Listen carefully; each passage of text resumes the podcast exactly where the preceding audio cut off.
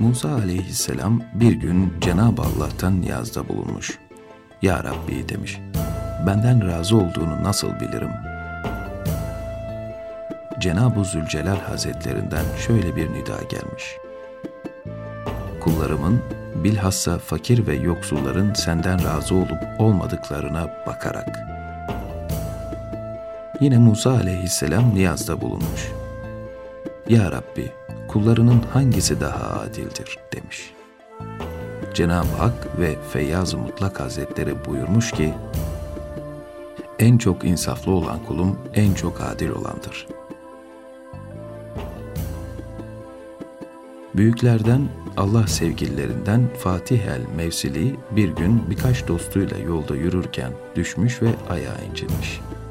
O üzüleceği yerde başlamış gülmeye.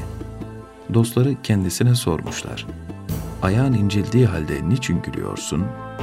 Hazretin cevabı şöyle olmuş. Ayağım ve bilhassa tırnağım çok acıyor. Peki bu acıya rağmen niçin gülüyorsunuz demişler.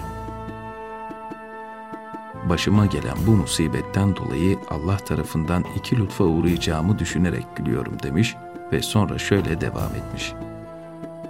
Birincisi bu hadiseye sabrediyorum. Allah bu sabrın mükafatını verecektir.